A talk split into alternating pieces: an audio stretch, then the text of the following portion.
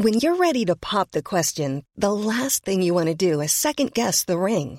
At Bluenile.com, you can design a one of a kind ring with the ease and convenience of shopping online. Choose your diamond and setting. When you find the one, you'll get it delivered right to your door. Go to Bluenile.com and use promo code LISTEN to get $50 off your purchase of $500 or more. That's code LISTEN at Bluenile.com for $50 off your purchase. Bluenile.com code LISTEN. There's never been a faster or easier way to start your weight loss journey than with PlushCare. PlushCare accepts most insurance plans and gives you online access to board-certified physicians who can prescribe FDA-approved weight loss medications like Wigovi and Zepbound for those who qualify. Take charge of your health and speak with a board-certified physician about a weight loss plan that's right for you. Get started today at plushcare.com slash weight loss. That's plushcare.com slash weight loss. plushcare.com slash weight loss.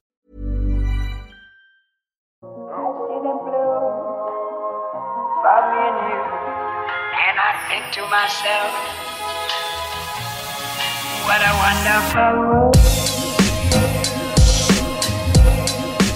Vi eh, har jo begynt å snakke litt om, om Ukraina. Det er, det er det eneste som opptar oss. Og liksom, eh, som vi har snakka om eh, før, så, så blir liksom andre ting eh, oppleves mindre viktig, og, og er på en måte mi- mindre viktig akkurat nå, da, mindre aktuelt og mindre viktig i situasjonen som er nede i Ukraina. Eh, nå Sist eh, gang så hadde vi jo besøk av Pavel, eller Pavlo, fra Ukraina, eh, som fortalte oss litt om livet der. Han lever i Kharkiv, som er helt nord i Ukraina, og, og de som ikke har hørt den, kan gå, bør gå og høre på den. Men det er jo ikke, altså Vi hører veldig mye om ukrainerne, og det er jo de det er mest synd på her. Men det er jo eh, masse folk som bor i Russland og Hviterussland, som nå trekkes inn som på en måte the bad guys her. Eh, Enda i hvert fall vi i Norge vet at dette er det Putin og hans lille regime og lille gjeng som står bak. Og russere flest og hviterussere flest er jo uskyldige, tror jeg. Eh, Men så er vi så heldige at vi kjenner ei som er hviterussisk, eh, som har familie i Hviterussland og noe familie i Russland, som kan nøste opp i dette. Eh, så Nadia, det er en eh, glede å ha deg tilbake. Sist gang var det litt mer positivt fortegn med det vi prata om. Nå er, vi, nå er det litt mer negativt fortegn, kanskje hardt å si, men det er i hvert fall et litt annen, et litt annen, annen modus på oss. Så aller først, Nadia, hva, hva er dine hva er dine tanker som hviterusser, hva er dine tanker om det som skjer i Ukraina? Eh, Takk for at, jeg, at eh, dere vil ha meg tilbake i podkast. Nå skulle jeg veldig gjerne snakket mer om 'Mesternes mester'. Og så plutselig Eller plutselig og plutselig, men det skjer ting som som endrer livet til ekstremt mange. Eh, og som oppleves som veldig plutselig. Eh, 24. februar så er det Altså det som skjedde da, og det som fortsetter å skje i Ukraina, det er, det er så grusomt. Og så er det Det involverer folk fra tre land, altså i utgangspunktet Russland og Ukraina, men også Hviterussland. Og det er folk som alle har noe, enten venner eller familie, i det andre landet. Så det at Altså det er litt sånn som det er Norge, Sverige og Danmark.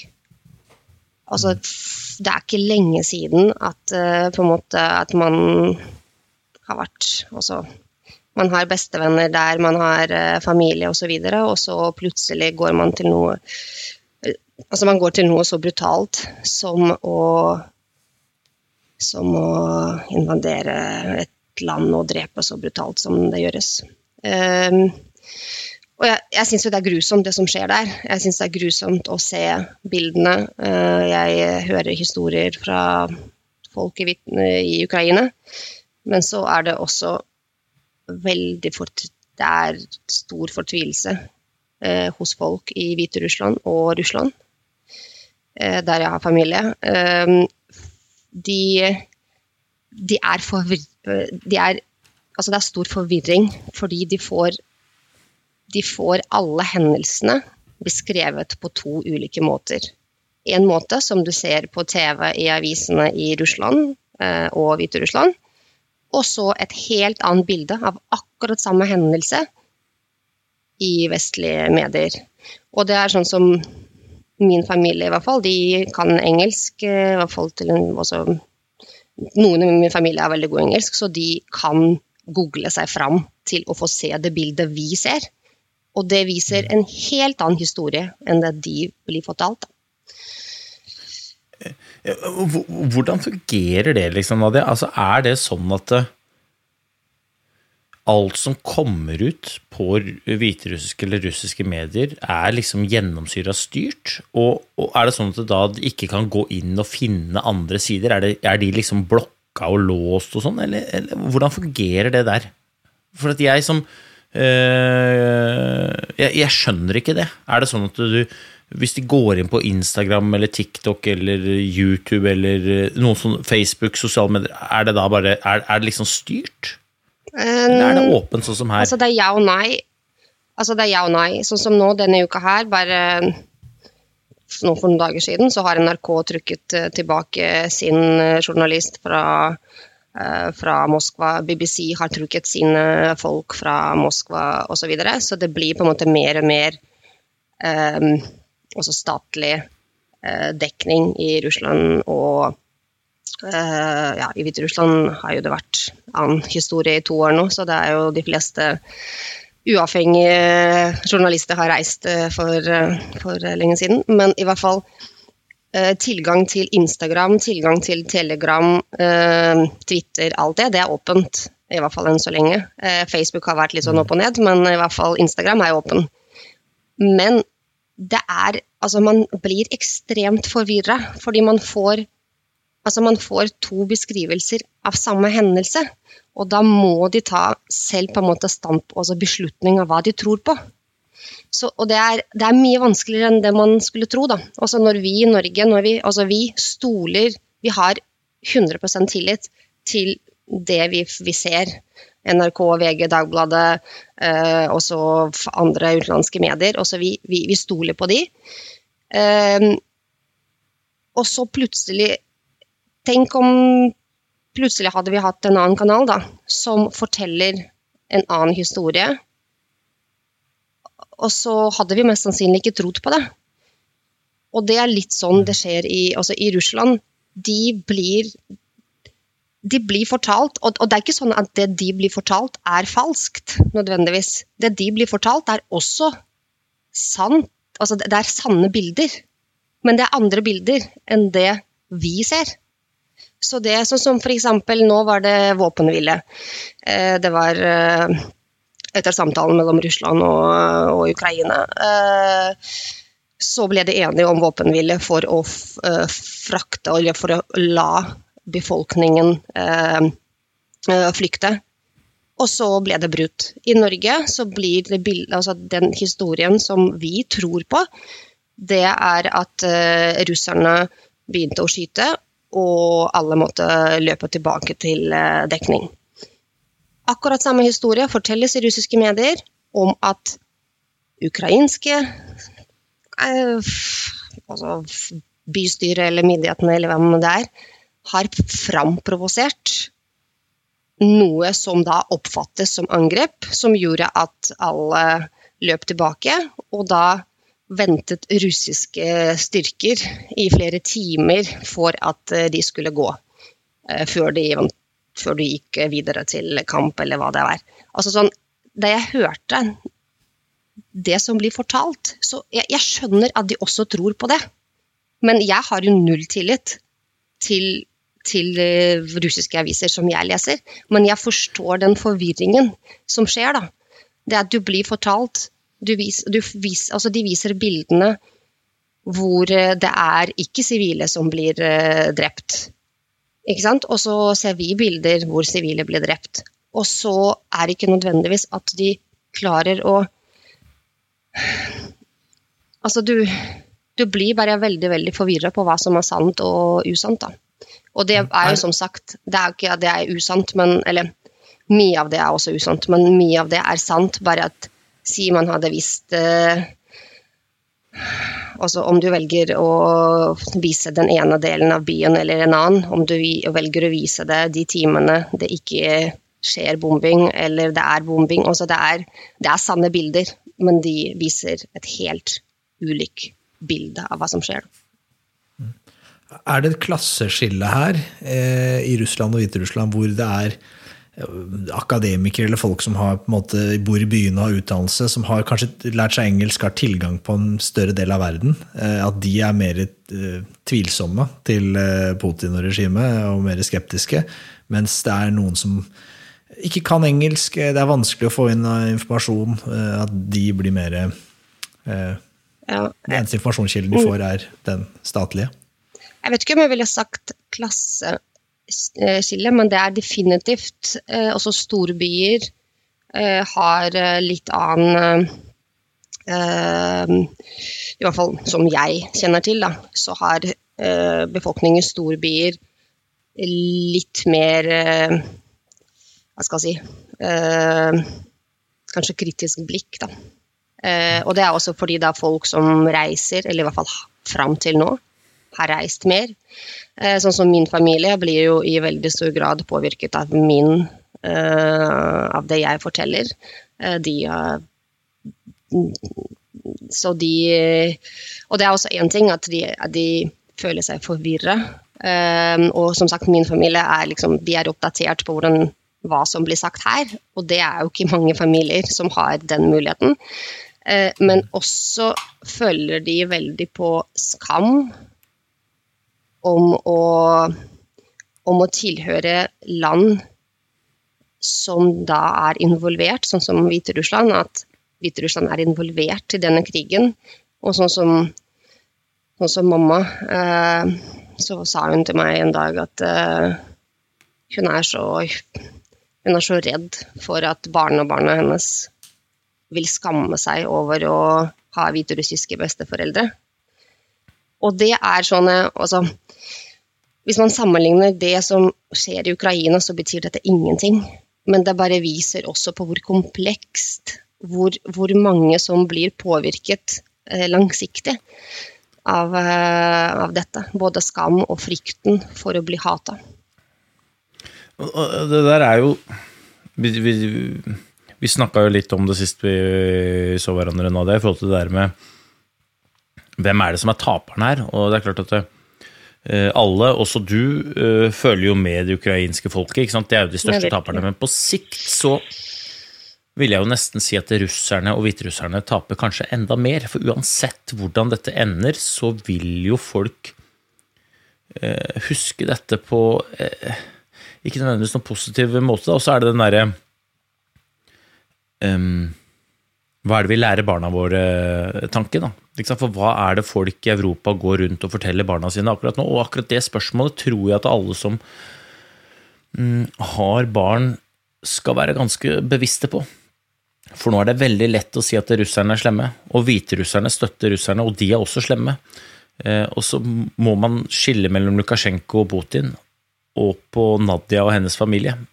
Eh, men det er jo helt sikkert at eh, det er folk der ute nå som går rundt og, og syns at det er hviterussere da per definisjon du, da, Nadia, og også din, din familie, er the bad guys. Da. Og det er jævlig Det der er skummelt. Hvis man, hvis man sammenligner det da, og drar til paralleller til Tyskland da, før andre verdenskrig, hva var, det hva var det de Jeg kan ikke si vi, da, men de.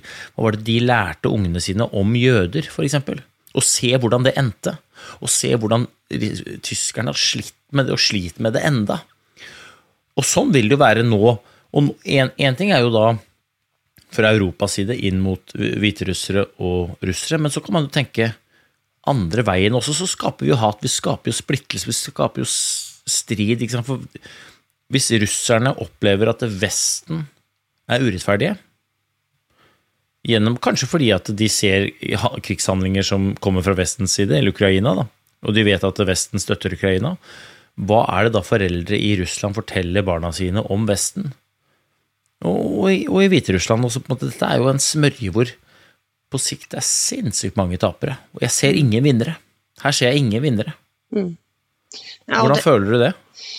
Og det er det du sier der som jeg tenker er Det er altså, mens vi alle sammen prøver å gjøre noe for å hjelpe folk i Ukraina, og på en eller annen måte prøve å stanse krigen og det grusomme som skjer, så er det også viktig at vi, at vi ikke lukker hjertene våre for uh, folket i, fra Russland og Hviterussland. Fordi det hatet som vokser altså, Og nå, vi snakker bare noen dager. Altså, det er det, altså, Og hva som har skjedd bare på, i løpet av de to ukene. Altså, man, man merker allerede at det er en splittelse. Og hvis vi ikke eh, har nok fokus på å på å på nettopp det å på en måte å, å ha hjertene våre åpne da, for både folk fra selvfølgelig Ukraina, men også for uh, russere og hviterussere, så vil hatet øke. Uh, og hvis de sånn som nå, så føler jeg at mange føler skam, også både i Russland og Hviterussland, for det som skjer. Men mm, jo mer de blir isolert, og de, er, også de begynner å bli isolert, det er det, det, kommer til å være et veldig mørkt bilde på hvor isolert Russland og Hviterussland kommer til å være i nær, i nær fremtid, så vil det øke. Altså det vil bli en slags sånn eh, en, en, vegg da, som uh, vil gjøre Som kan, som kan øke på en måte bevegelse hos russerne og hviterusserne som føler seg beskyldt hos, altså fra, fra europeere. Da. Og, den, ja, og direkte ramme også. Ja, og absolutt ja, for, direkte ramme. Sa jo, du sa det jo sist vi snakka sammen, så mm. sa jo du at det er ikke så lenge, Øystein, før um, medisiner, medisinlagre mm. i Russland i Hviterussland går tomme. Det er ikke så lenge før det blir mm. mangel på matvarer. Det er ikke så lenge før infrastruktur og sånne ting bryter ned. Og det er klart at det, for det første så er det tragisk for de menneskene som bor der, og som ikke har noe med invaderinga av eh, Kharkiv å gjøre. Eller Kiev å gjøre. Men som lever under et regime som har alt med det å gjøre. Men det andre er jo at det er jo veldig god grobunn for ledelsen til å så disse frøene om at det, det er jo Vesten som er den store, stygge ulven. Og, Og det der er Altså, jeg skjønner jo at diplomatene jobber, jobber, jobber med mm. dette, disse problemstillingene, men det der det må føles mm. Det må føles vanskelig. Hvordan tenke altså, Du har jo familie midt oppi dette smørøyet her sånn. Hvordan, hvordan, mm. hvordan, er det for de? Hvordan føler de det? Hva, hva, måte, hva, ja, hvordan er det? Det er, det er, mye frykt, uh, og det er økonom, også den rubbelen både i eh, Russland og Ukraina Nei, uh, rubbelen i Russland og Hviterussland har falt ekstremt bare på noen få dager. det er også Det er veldig mange som kommer til å miste jobbene sine. Eh, fordi at eh, de store selskapene, internasjonale selskapene som nå trekker seg ut, eh, har jo hatt veldig mange arbeidstakere. Men også russisk og hviterussisk industri, altså selskapene som er ikke utenlandske. Det er, det er, veldig mange selskap som er avhengig av noen deler som er importvare fra utlandet, altså fra Europa eller USA. Så det f.eks.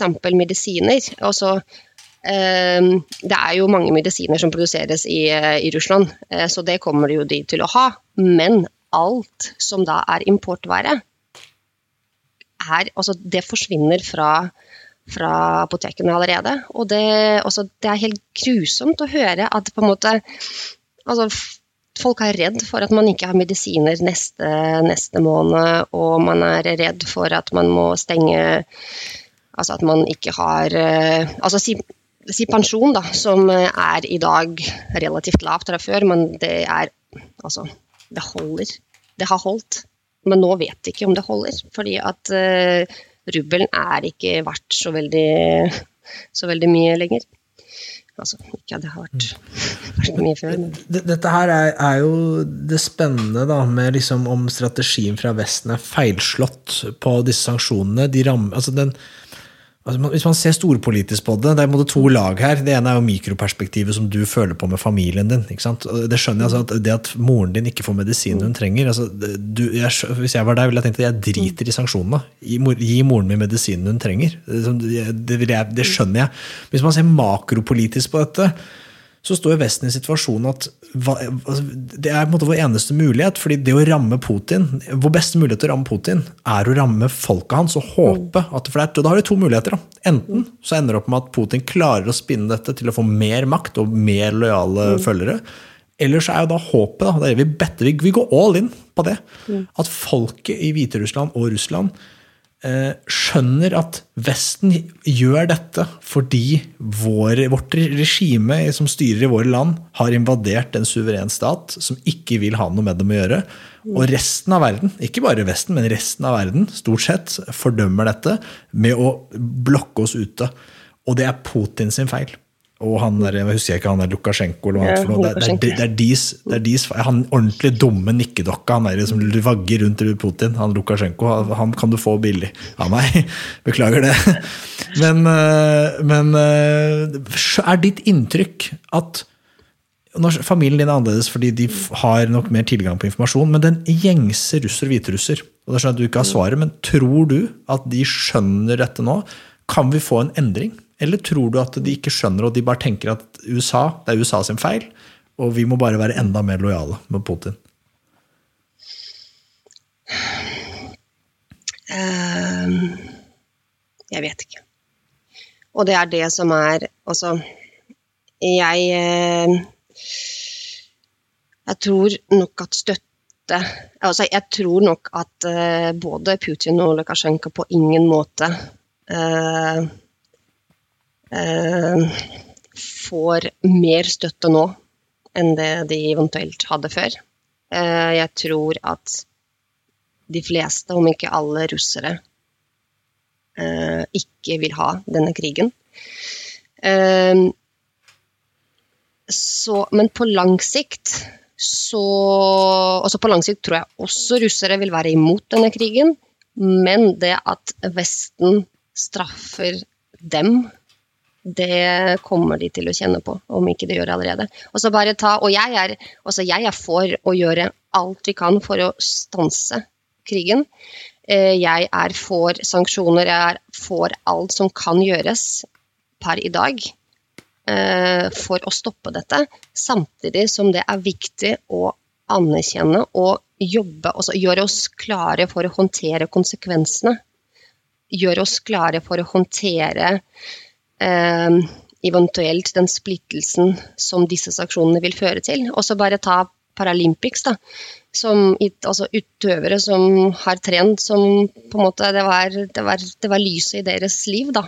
Å prestere, ikke sant. Og så får ikke de lov. Og det er sånn i det store bildet så prøver vi å gjøre alt for å stoppe for å stoppe Putin og hans, eh, hans eh, nærmeste som er ansvarlig for dette.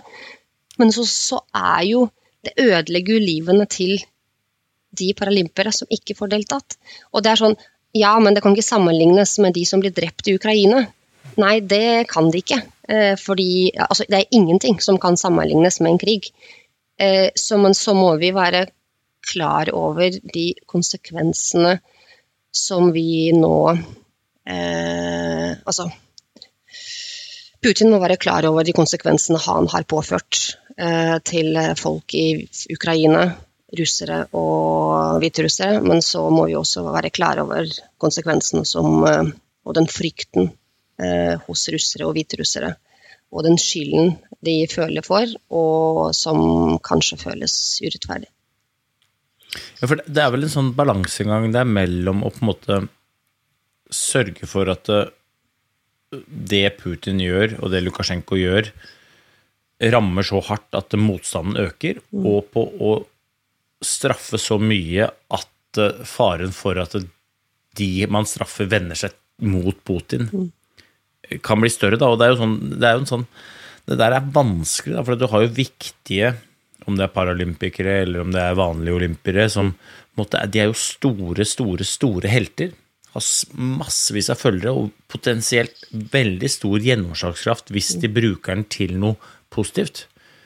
Men hvis vi stenger de ute, så er jo faren for at de kanskje vender seg mot Putin til stede. Da. Eh, og, og jeg har bare Jeg har noen eh, Kall de tidligere venner, er vel kanskje å dra det langt, men jeg har jo gått og konkurrert mye mot russere. Mm. Og noen av de snakker høvelig greit eh, engelsk. Jeg har snakka med de litt på sosiale medier, men jeg må være ærlig og si at jeg er skremt over holdningene. Og så vet jeg ikke om det er fordi at de blir trua, jeg vet ikke om det er fordi de blir overvåka, eller om det er fordi at de faktisk tror på det. Men, men jeg er jo enig med deg i det der poenget med at vi må være klar over at konsekvensen av å stenge ute folk kan være negativt, og, og kanskje spesielt også hvis man tenker sånn Jeg leste sånn at eh, unger eh, fra Hviterussland og Russland ikke fikk lov til å delta i Norway Cup. Eh, og jeg tenker at Det aller viktigste å påvirke er jo den yngre generasjonen. Jeg, jeg tenker Det er nøkkelen til å få så, skape den der, det retningsskiftet som, som du Hans, spurte spurt etter. Da. For Liksom, Jeg tror jo at eh, hvis vi skal skape et, eh, et nytt regime, skape en ny retning for disse landene, eh, hvis, hvis det går an, så tror jeg det må skje gjennom de yngre. Jeg tror ikke at den um, foreldregenerasjonen til foreldrene til Nadia er de som gjør det. Men tror dere ikke at eh, Hvis jeg hadde hatt, eh, vært i en posisjon da, hvor jeg hadde noe jeg skulle ha sagt om dette, eh, så ville jeg gjort eh, det samme som de har gjort nå, mer eller mindre. Jeg, jeg mener Det er jo en grunn til at eh, toppdiplomater er toppdiplomater. De er sylskarpe, og de, har gjort, eh, de er dritgode på dette. Og jeg, og jeg tror, da, hvis jeg skal spå da, hva, de gjør, de, de kjører knallharde sanksjoner. De straffer alle. De, de går beinhardt til verks for for å fordømme og for å stoppe og for å håpe at det blir sånn, et ordentlig sjokk da, i folket. I, ikke bare hos Putin, men hos alle russere og hviterussere. Bare oh, shit, ok, nå er det alvor. Og så håper jeg, for det er det neste jeg ville gjort hvis man tenker da, Det er det korte perspektivet. Sant? De første to ukene eller de første to månedene. Men så vil jeg begynne å si at ok, vår, vår dør er åpen. De som har lyst til å være med og spille og, altså, vi, kan, Russland får ikke lov å konkurrere, men dere, kan, dere som har utøverne, dere kan konkurrere under nøytralt flagg. Eh, man, eh, fordi vi i Vesten, eller vi resten av verden, FN, vi, vi skjønner at dere ikke er syntebukkene. Altså, og, og jeg ville åpna grensene mine. Polen, jeg ville sagt, altså Europa. Da, ta inn flyktninger. Si til hviterussere at de som ønsker å komme hit, eh, dere er velkommen. Og så må man gjøre dette på dette er, Det er veldig enkle, veldig enkle løsninger jeg skisserer her. Dette må gjøres på en eller annen kontrollert måte. På den måten da, så håper jeg så er det spørsmål hvordan skal man klare å få ut den informasjonen. Eh, nei, jeg tror det du sa der, Øystein, med det å, det å tenke at hvem er det som er bjellesauene i enhvert land? Nei, det er jo Om det er idrettsprofiler, om det er næringslivsledere, om det er eh, TV-kjendiser i- eller sånne filmstjerner osv. Det er de man må bruke. ikke sant? De som russere og hviterussere ser opp til. Og da må man ikke straffe de på den måten som gjør at de blir enda mer lojale til regimet. Men jeg, tror, jeg mener jeg har gjort det helt riktig nå. da. På det korte bildet så er det den eneste veien å gå. da, Selv om det føles utrolig Jeg jeg skjønner jo, eller jeg, jeg prøver å forstå hvordan det vil føles for hviterussere. At det, det føles urettferdig. Men jeg håper og tror på kort sikt at de vil rette den frustrasjonen mot sin, sitt eget regime som har gjort dette. For at det, Ukrainerne er jo vårt folk. Det er bare en arbitrær grense som ble satt. Det er jo som Norge og Sverige og Danmark. Vi snakker basically det samme språket. Det er mitt inntrykk. Og jeg hadde, jeg hadde blitt helt sjokkert hvis Norge hadde begynt å skulle invadere Sverige. Eller Sverige i Norge. Det hadde vært sånn, Hva i all verden er det som foregår? Og, og, det og jeg hadde retta det skytsen mot, uh, mot uh, Ja, men, men så er det sånn at øh, Og jeg er jo helt enig i det du sier, men, men i helga var det Kollen. I helga var det verdenscup i Kollen. Eh, Og øh, øh, tilfeldigvis så traff jeg på to stykker fra det sirkuset. Som ikke er løpere, men som jobber med utøverne. Og de kunne fortelle at de russiske smørerne hadde kjørt gjennom Oslo i russiske biler. Eh, For de kjører rundt med biler som er akkurat som Norge. Eh, De er heldekket med 'her kommer russiske skiforbundet', og vi, vi går på ski. Dette var da smørerne. Og smørerne kunne for da fortelle at de ble stoppa på gata av biler som kjørte inn foran de av norske folk, menn og damer, som tuter og viser fingeren til russerne, som om det er de som sitter i den bilen der sin skyld at eh, folk lider i Ukraina. Og, her tror jeg liksom vi, det, Her er vi tilbake til det er så dritviktig da, å, å skjønne at de sanksjonene de rammer alle. Men årsaken til problemene, det er ikke russere. Det er regimet. Årsaken til problemene er heller ikke hviterussere, men det er jo regimet. Og så kan man jo stille hvem er ansvarlig for at det er blitt sånn, men, men det har ikke verken du eller jeg i hvert fall noen forutsetning for å svare for. Det kan man jo spørre Nadia om. Men, men det, der hviler et sinnssykt stort ansvar på oss i Vesten. da. Mm. Hvis vi skal få snudd dette her og ha den tilbake til ledelse. Hva er ledelse? Jo, det er jo innflytelse. Det er noen har lyst til å følge. Og jeg tror ikke at folk har lyst til å følge noen som sprer hat og skaper større frykt og skaper enda større splid. Så hvis vi skal kjøre disse sanksjonene og fortsette med det, så tror jeg vi skal være dritbevisst det ansvaret som ligger i hva vi kommuniserer til hverandre, og hvordan vi møter da russere og hviterussere. For vi har mange av de som lever Naboen kan være russer. Mm. Naboen kan være hviterusser. Nadia er hviterusser, og jeg sykla med Nadia i Arendal i sommer, og jeg er drita glad i Nadia, og det forholdet har ikke endra seg uansett hva Lukasjenko gjør. Men det er viktig, da. Ja, helt riktig. Jeg tror det Nadia sa, og det til de nordmennene som holder på sånn, da har de jo misforstått. Altså, det, det, er på en måte, det, da, de jo, da, skjønner de ikke for, og der er man må snakke, der, er derfor det er liksom viktig tror jeg, å snakke i de to ulike størrelsene. I det makropolitiske så mener jeg man har gjort det helt riktig. Altså, man må gjøre det på den måten. Men i det mikronivået, som er oss mennesker imellom, så sa du det helt riktig, Nadia. Man må, man må åpne hjertet litt. Da. Man må skjønne, man må klare å skille Eh, Vladimir Putin og hans liksom, ti nærmeste eh, fra, fra, Nadia, eller fra i hvert fall altså folk som russere og hviterussere som bor i Norge, eller som er på ferie eller er på tur i Norge tilfeldigvis befinner seg her nå, eller er skismørere, liksom. De har jo ingen, Det eneste de driver med, er å prøve å få skia til å gå raskere enn nordmenn. Det er det eneste vi kan klandre dem for. da, At de er gode til å smøre ski i så fall. Eh, så, så da, da, har man totalt misforstått. da. Totalt, liksom. Mm. Og det er også en annen ting som jeg altså er helt enig og det tror jeg er helt essensielt for å ikke gjøre dette til en, eh, til en, en lang, lang hat eh, eh, konflikt, eh, så er det veldig viktig at vi, at vi eh, både lærer våre barn, men også oss sjøl, at eh, russere og hviterussere er ikke Det er ikke de som eh, invaderer, eh, invaderer Ukraina, selv om det er russiske styrkene. Eh, men det er en annen ting som er også viktig å forstå for oss her i Norge, er at sånn som Hviterussland, de har kjempet med regimet nå i, i over to år. Og så sikkert før det også, men faktisk veldig høylytt, synlig. De har demonstrert, også siden valget i august 2020, så har hviterussere demonstrert. Utøvere har gått, også store idrettsutøvere har gått ut og snakka at dette skal vi gjøre noe med. Hvor er de nå? De, er, de enten sitter i fengsel, eller så er de uh, måtte flykte.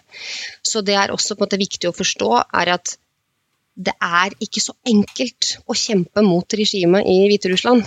Og, og sikkert det samme i Russland også, er at de har prøvd, også nå før Ukraina-krigen, de har prøvd å gå mot regimet. Og det, det, sitter folk som har ledet de demonstrasjonene, som har fått nå eh, dom 11, 12, 13, 14 år skal de sitte i fengsel. Fordi de ledet demonstrasjonene. Og de var, altså de var fredelige demonstrasjoner. Men det er, så det å gå og demonstrere i Hviterussland og, og Russland, det har ikke den samme på en måte funksjon som vi i Vesten håper på. Altså Hvis hele, hele Russland går og demonstrerer, hvis hele Hviterussland går og demonstrerer, kanskje det vil gjøre en forskjell. Men Hviterussland har prøvd nå i to år. Idrettsutøvere, mm. store idrettsutøvere har prøvd å si fra de har mistet uh, sin lisens og alt på dagen, og flere har blitt uh, uh, Flere måtte sitte i fengsel, og det er, altså det er, helt andre forhold enn det vi er vant, vant med. Vanligvis når vi skal reklamere for Coop, så prater vi om kaffen. Og jeg er glad i kaffen. Jeg er glad i Coop, jeg er glad i Coop kaffe. Men akkurat nå faktisk, så skal jeg reklamere for Coop og for hva de står for. Jeg la ut på Twitter i forrige uke hvem er første som legger press på at FIS tar et standpunkt i denne striden. Coop var første. Coop var første store aktør som sa til FIS at dette her må dere ta et aktivt standpunkt på. Og hvis ikke gjør, dere gjør det, så gjør vi det for dere. Og jeg må være så ærlig at når jeg så det, så tenkte jeg fy flate, det er derfor vi leker med Coop. Altså, jeg har aldri vært stoltere Coop-ambassadør enn den dagen de sa til FIS at nå må dere faen meg velge. Oss eller de. Og det blir gule og blå startnummer i Drammen på sprinten der sånn. Og det blir gule og blå startnummer i Holmen. Det er dagens reklame for Coop. altså Det kommer rett fra hjertet. Takk skal du faen meg ha.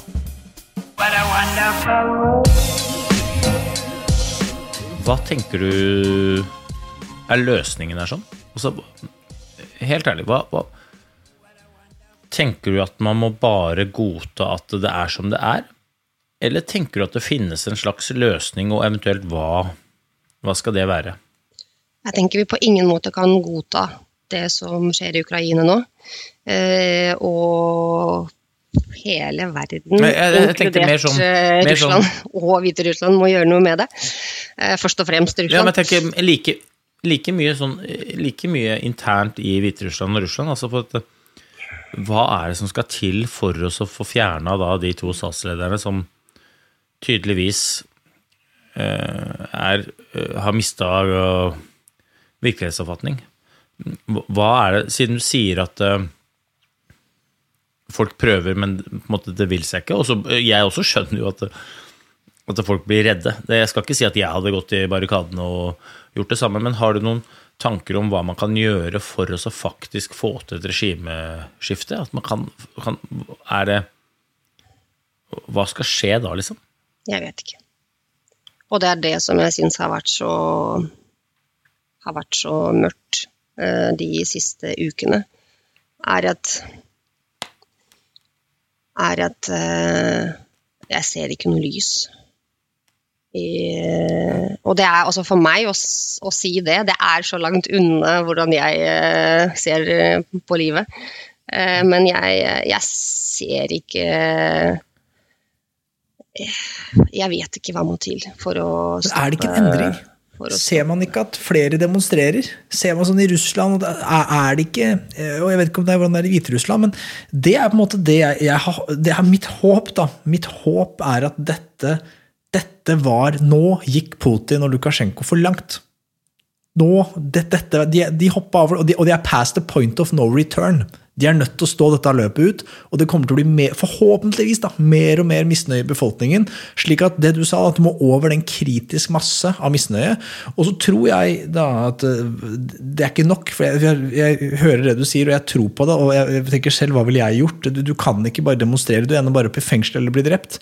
Så jeg tror at det, det blir nok misnøye i folket, og så tror jeg man nesten må dit hvor det, det blir en slags form for kupp. da, Enten at militæret eh, styrter dem, eller at det er noen, noen som har tilgang på disse, er nødt til å knerte dem. rett og slett. Jeg, jeg, tror, jeg tror det er så, liksom, man er så tilbake liksom, i primal... eh, Man er tilbake i Romerriket. Eh, Og så må man da håpe at det kuppet eh, det, Sånne kupp har jo en tendens til å ikke alltid bli bedre enn det var før. Men håpet må jo være at det er folket, et slags folkekupp. da. Det har vel vært noen eksempler på det i verden, noen som har fått det til, uten at jeg har de på tunga. Men ikke sant, også ukrainere gjorde det i 2014 på på Maidanplassen. Eh, Så de fikk jo eh, regimeskifte.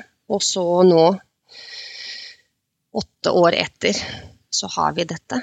Eh, Hviterussere prøvde i 2020, og de har demonstrert i det, det var veldig mye håp og mot hos hviterussere. Også selv om du vet at du kan bli arrestert. Det var, altså det var helt umenneskelige forhold i, eh, under arrestasjoner osv., men likevel så turte folk å gå.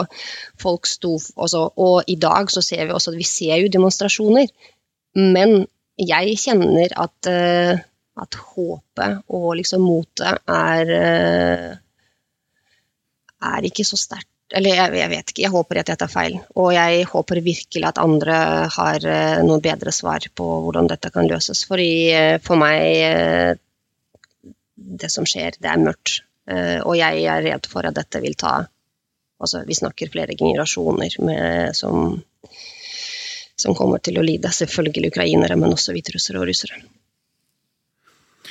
Sist episode så hadde vi da Pablo fra, fra Ukraina på, og det vi lurte på da, var jo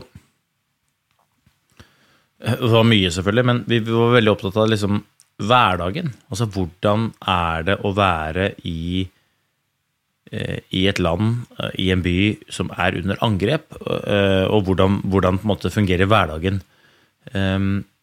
Vet du noe om hvordan hverdagen er i Hviterussland og i Russland? Er den business as usual, eller er det nå har, har alle i Russland og Hviterussland også fått snudd på en måte livene på hodet i løpet av veldig, veldig, veldig kort tid? Er, går folk på jobb? Er skoler? Hvordan, på en måte, hvordan er hverdagen til hviterusserne? Også i, i denne situasjonen, også det i, også i nå siste ukene, så er det, det er nok det er Russland som er mest eh, prega av det. Eh, Hviterussland til en viss grad, men ikke i like stor grad enda. Eh, men de er jo eh, Også Lukasjenko jo åpenbart eh, viser støtte. Eh, så, men det er skoler og jobb og alt fungerer som Altså, det er jo trygt i den forstand at ikke det bombes uh, i det landet der. Uh, så, men også for hviterusserne f.eks. Det å se at det er kamper rundt atomkraftverkene i Ukraina, det er en frykt som jeg tror veldig, veldig få kjenner. Også jeg vokste jo opp uh, på 80-tallet, da Tsjernobyl smalt i 86. Eh, og det var, det var hviterussere som ble største eh, ofrene da. Fordi at vinden, det var veldig sterk vind den dagen. Og det er altså, selvfølgelig noen deler av Ukraina, men det var på en måte hviterusserne som fikk eh, de største konsekvensene. Det har ødelagt altså det, det har påvirket Hviterussland i veldig, veldig mange år. Eh, altså på helt altså helt, det, helt, det, er, det, er, mange som både har mistet livet pga. det, men også har fått uh, sykdommer som de fortsatt må medisineres for osv. Altså det, det er det verste som har skjedd, uh, i hvert fall uh, under min oppvekst, uten tvil. Og det å se at vi er så nære en ny katastrofe altså det er flere atom, altså både den største og nest største, som nå har vært under kamp de siste, altså det har vært kamp rundt dem de siste dagene. Det er en frykt som vi ikke kan forholde oss til i Norge i det hele tatt. Og det kjenner hviterussere på.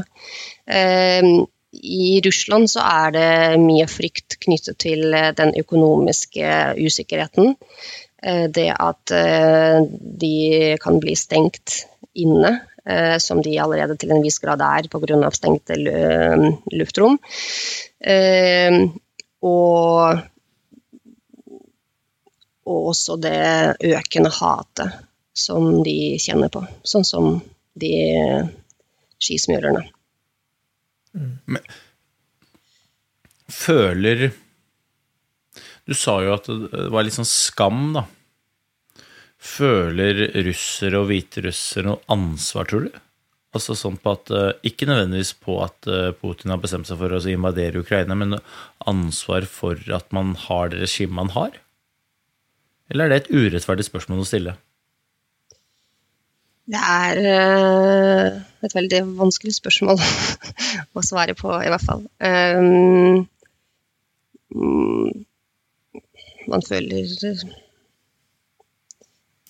jeg vet ikke. Og jeg, jeg, jeg kan ikke altså Man føler jo seg ansvarlig for det regimet man har, det tror jeg nok. Men også først og fremst, også nå er jeg, jeg har bodd i Norge siden jeg var 17, um, ehm, så jeg det er uh, Det er Jeg føler jo uh, altså det er liksom, Nå snakker jeg på en måte på mine vegne. Jeg er litt usikker hvordan det hvordan de som bor i Russland, ville svart på dette spørsmålet. Men eh, jeg tror at først og fremst så må vi huske at det er ikke, det er ikke alle i russerne Altså det er ikke alle i Russland som ser dette som skjer med de samme brillene som vi gjør. Og det må vi også ikke nødvendigvis akseptere, men vi må ta det i betraktning.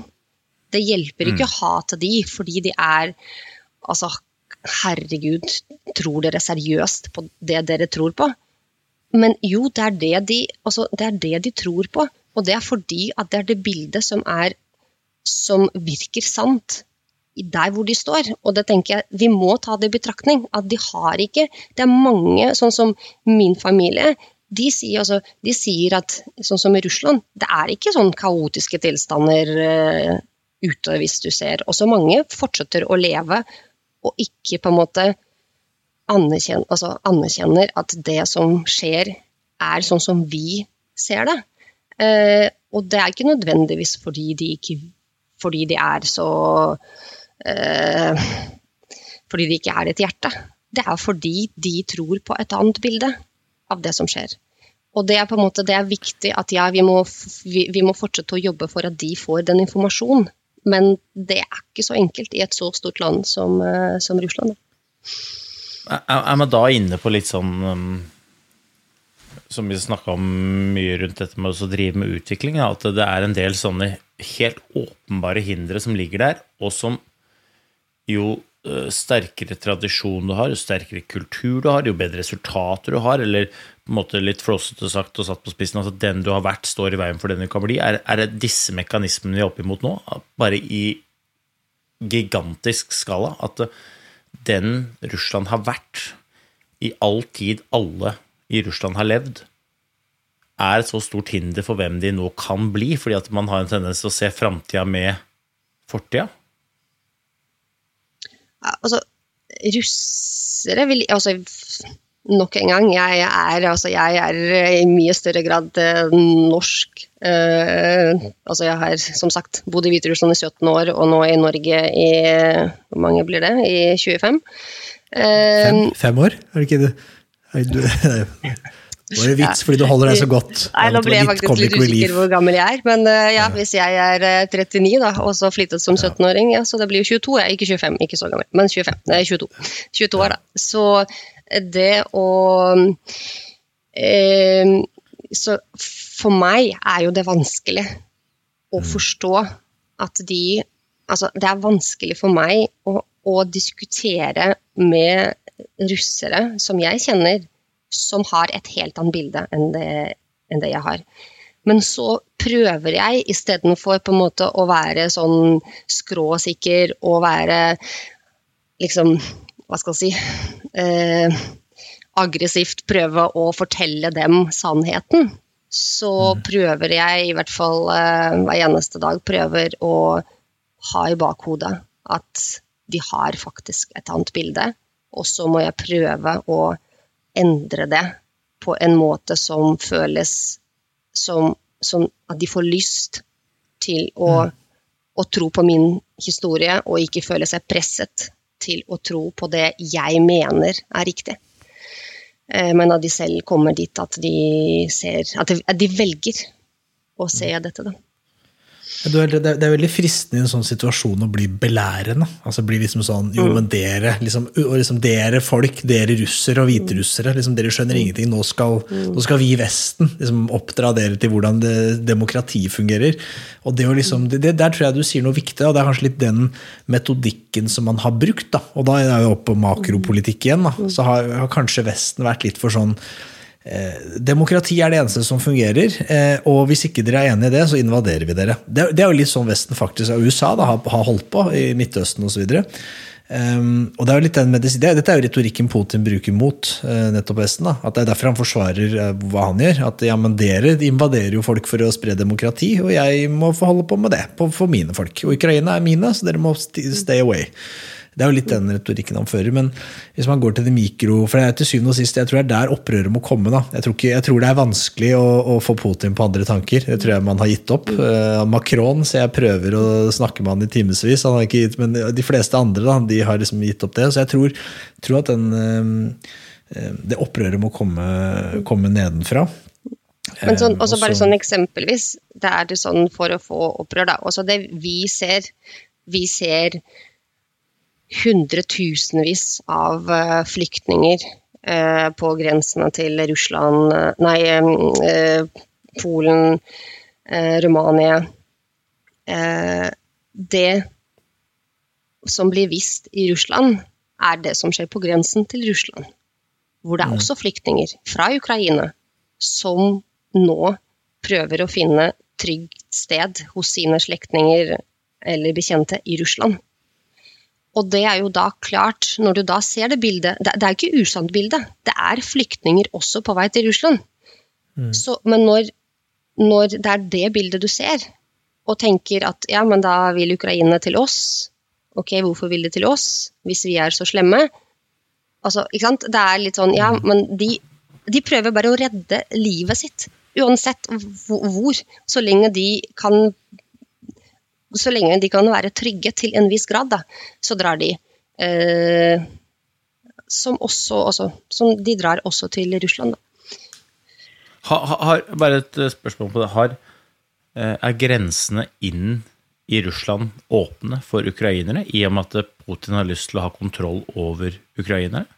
Å, usikker. Eller er de stengte? Jeg er, eh, jeg er usikker, men jeg tenker at det er eh, sikkert Nei, jeg, nei det, vet jeg ikke. Jeg, jeg tror det det er det. jeg. Jeg, jeg, tror, jeg tror at sånn jeg har forstått det, så har de til og med uh, hatt sånn eh, de, de skriver ut pass. uh, I hvert fall i, i Luhansk og, og Donetsk. Så, så ga de jo bort russiske pass på billigsalg. uh, eller gratis.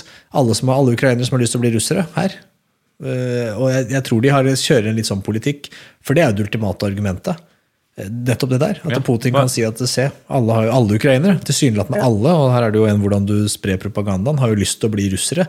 Så hvis vi er så ille, hvorfor har folk lyst til å bli russere? Så, Men det er akkurat det, ikke sant? og det er jo det som også det, det er jo ikke så mye fokus hos oss i, eh, også i, i, i det mediebildet som vi eh, forholder oss til.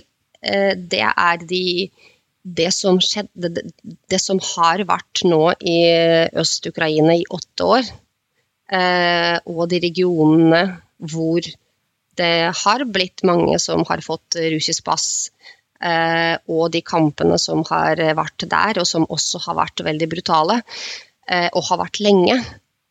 Det snakkes veldig mye om nå russisk, eh, altså på russisk TV. Eh, det er veldig mye fokus på Luhansk og, den, eh, og altså Donbass, den eh, østdelen. Og de bruker jo Altså Putin bruker jo det som hva skal jeg si, grunnen til altså Det er jo sånn han rettferdiggjør det han har gjort. Da. Eh, og det For oss er det så uvirkelig at eh, invadere et land har i det hele tatt noe som helst forklaring. Eh, men eh, hvis du ser på russisk TV, så får du ganske mange argumenter som nok en gang for oss ville vært helt uvirkelig å tro på. ja, samtidig så, så må vi smake litt vår egen medisin i Vesten. Dette, det, er sånn, det, er, det er en del ting som Nato skal, og EU og USA eh, skal skamme seg litt over, mener jeg. da. Vi har holdt på litt, vi òg. Jugoslavia. Det, det er jo ikke så mange år siden hvordan Nato involverer seg på fordi man eh, Libya, hvordan vi styrta Gaddafi. eh, Afghanistan. Eh, ja, det var noen, noen få terrorister så invaderer vi hele landet. Irak. eh, Vi, vi mener at det er noe våpen vi ikke liker, så invaderer vi. Så, eh, så det er jo liksom eh, hadde, hadde Vesten liksom hatt helt ren sti, så er det mye lettere å, uh, lettere å være moralens vokter. Da. Eh, men vi straffes jo litt. altså Putin har jo rett når han sier det. Det er jo sånn dere holder på. Så kan ikke Vesten si nei, det er helt feil, vi er ufeilbarlige. For det, det stemmer jo ikke. da. Og så mener jeg selvfølgelig det er forskjeller her, og, og, det, er, og det, er annen, det er en helt annen åpenhet i det vestlige samfunnet. Demokratiet, I de aller fleste vestlige land så står demokratiet sterkt, og det er relativt liten grad av korrupsjon og sånne ting. Men, men øh, stien til øh, Vesten er ikke ren. Da. Og vi har holdt på med akkurat disse lignende type ting da, som dette. Og det brukes til alt. Det har vært nå i både Putin, men også russiske medier eh, generelt. Det er nettopp alle eksemplene som eh, de kan eh, si ligner. Og så, men jeg tror fortsatt at det er uansett, veldig få vi- som trodde på at dette faktisk, faktisk at de skulle gå så langt, eller at Putin skulle gå så langt som han gikk. Ja, og, og uansett hvordan vi vrir og vender på det, så har jo verden forandret seg. Og uansett hvordan det ender, så kommer det til å få forbli et faktum. At verden har forandret seg. Og det Jeg er spent på til hvilken pris. Og til hva. Men eh, jeg syns i hvert fall det er, det er tøft av deg å stille opp, eh, Nadia. Og mm, jeg syns Ja.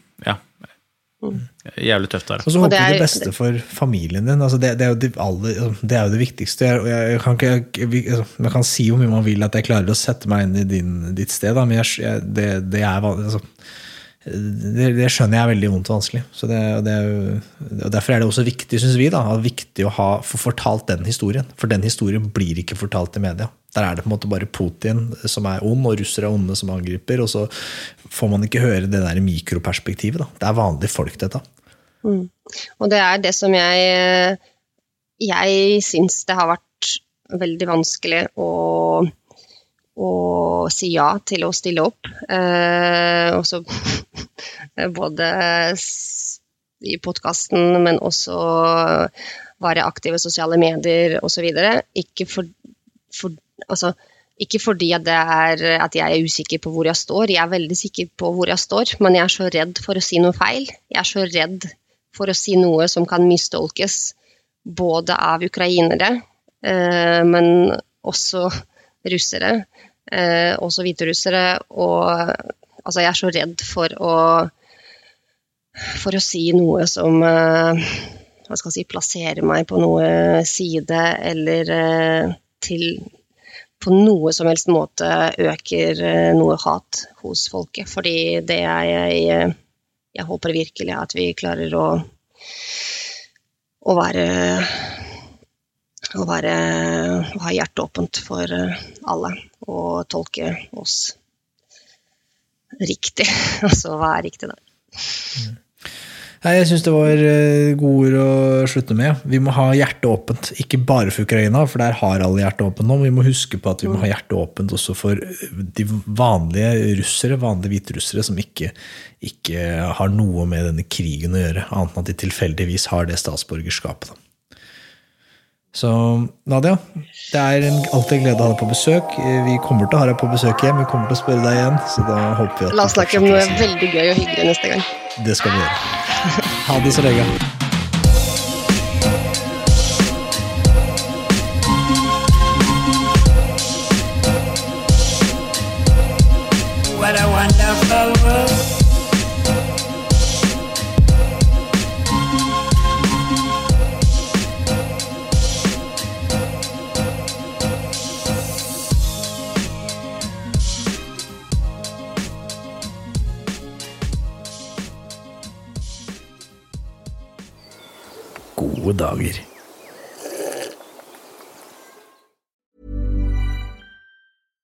Even when we're on a budget, we still deserve nice things. Quince is a place to scoop up stunning high-end goods for 50 to 80% less than similar brands. They have buttery soft cashmere sweaters starting at $50, luxurious Italian leather bags, and so much more. Plus, Quince only works with factories that use safe, ethical, and responsible manufacturing.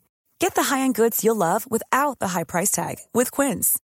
Go to quince.com slash style for free shipping and 365-day returns. Planning for your next trip?